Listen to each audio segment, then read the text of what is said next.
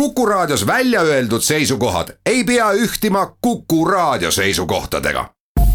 Te kuulate Kuku Raadiot.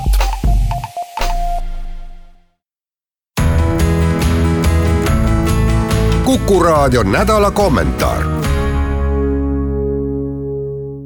mina olen Peeter Espak ja loen nädala kommentaari teemal depressioon sõnal depressioon on tänase keelekasutuse juures üha rohkem tähendusvarjundeid oma tõelises või ka teaduslikus kasutuses tähistab see eelkõige meditsiinilist konditsiooni nimega depressioon. selle haiguse ja selle süveneva vormi tõttu olen ka ise kaotanud paar tuttavat sõpra, kes on otsustanud oma elule käe külge panna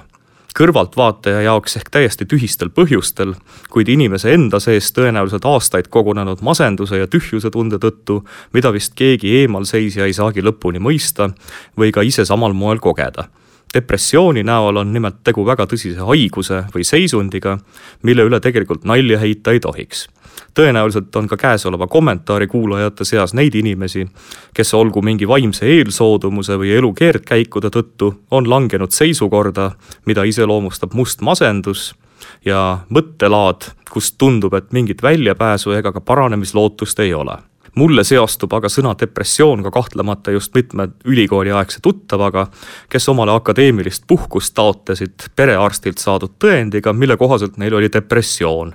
Ei mäleta, et neist tuttavatest keegi just väga kurvameelne oleks olnud, aga tõepoolest ei tule ka meelde, et keegi omale sellise meditsiinilise diagnoosiga paberit vajadusel ei oleks saanud sõna depressioon levis ja levib ka noorte ja tudengite seas tihti kui lihtsalt mingi elulise probleemi või pigem isegi laiskuse seisundi sünd-, sünonüüm ma ei suuda neid eksameid teha, sest mul on depressioon, ma joon sellepärast ja ei käi koolis, et mul on depressioon, ma võiks luua surematut loomingut, aga ei saa, depressioon on peal ja kulka ei anna ka raha. ehk sõna depressioon on tihtipeale kasutusel ka lihtsalt laiskuse tarbeks vabandusena. põhjendusena, miks inimene ei täida mingeid endale võetud või määratud elementaarseid kohustusi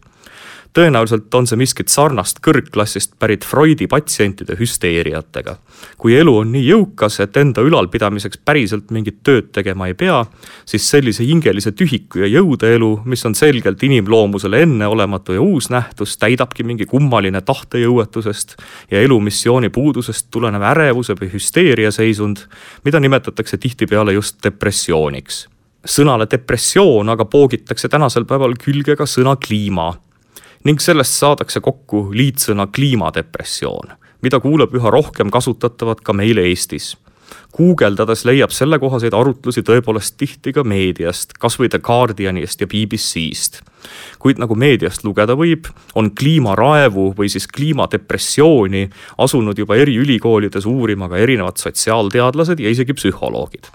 näib, et samamoodi nagu on leiutatud termin kliimapagulane osavate ökoideoloogide poolt tõestamaks, et kõik kaasaja sotsiaalsed ja poliitilised ja ka sõjalised probleemid tulenevad kliimamuutusest, siis on kliima nüüd külge poogitud ka rohkem meditsiinivaldkonda kuuluvatele uurimisaladele ning üha rohkem hakatakse suruma ka terminit kliimadepressioon ehk isegi patoloogiate või siis vähemalt teadusliku meditsiini valdkonda kuuluvaks lähedaseks sellistele konditsioonidele nagu kas, kasvõi posttraumautiline stress või tõepoolest päriselt eksisteeriv depressioon ja võib-olla tõepoolest selline konditsioon osade inimeste teadvuses päriselt eksisteeribki.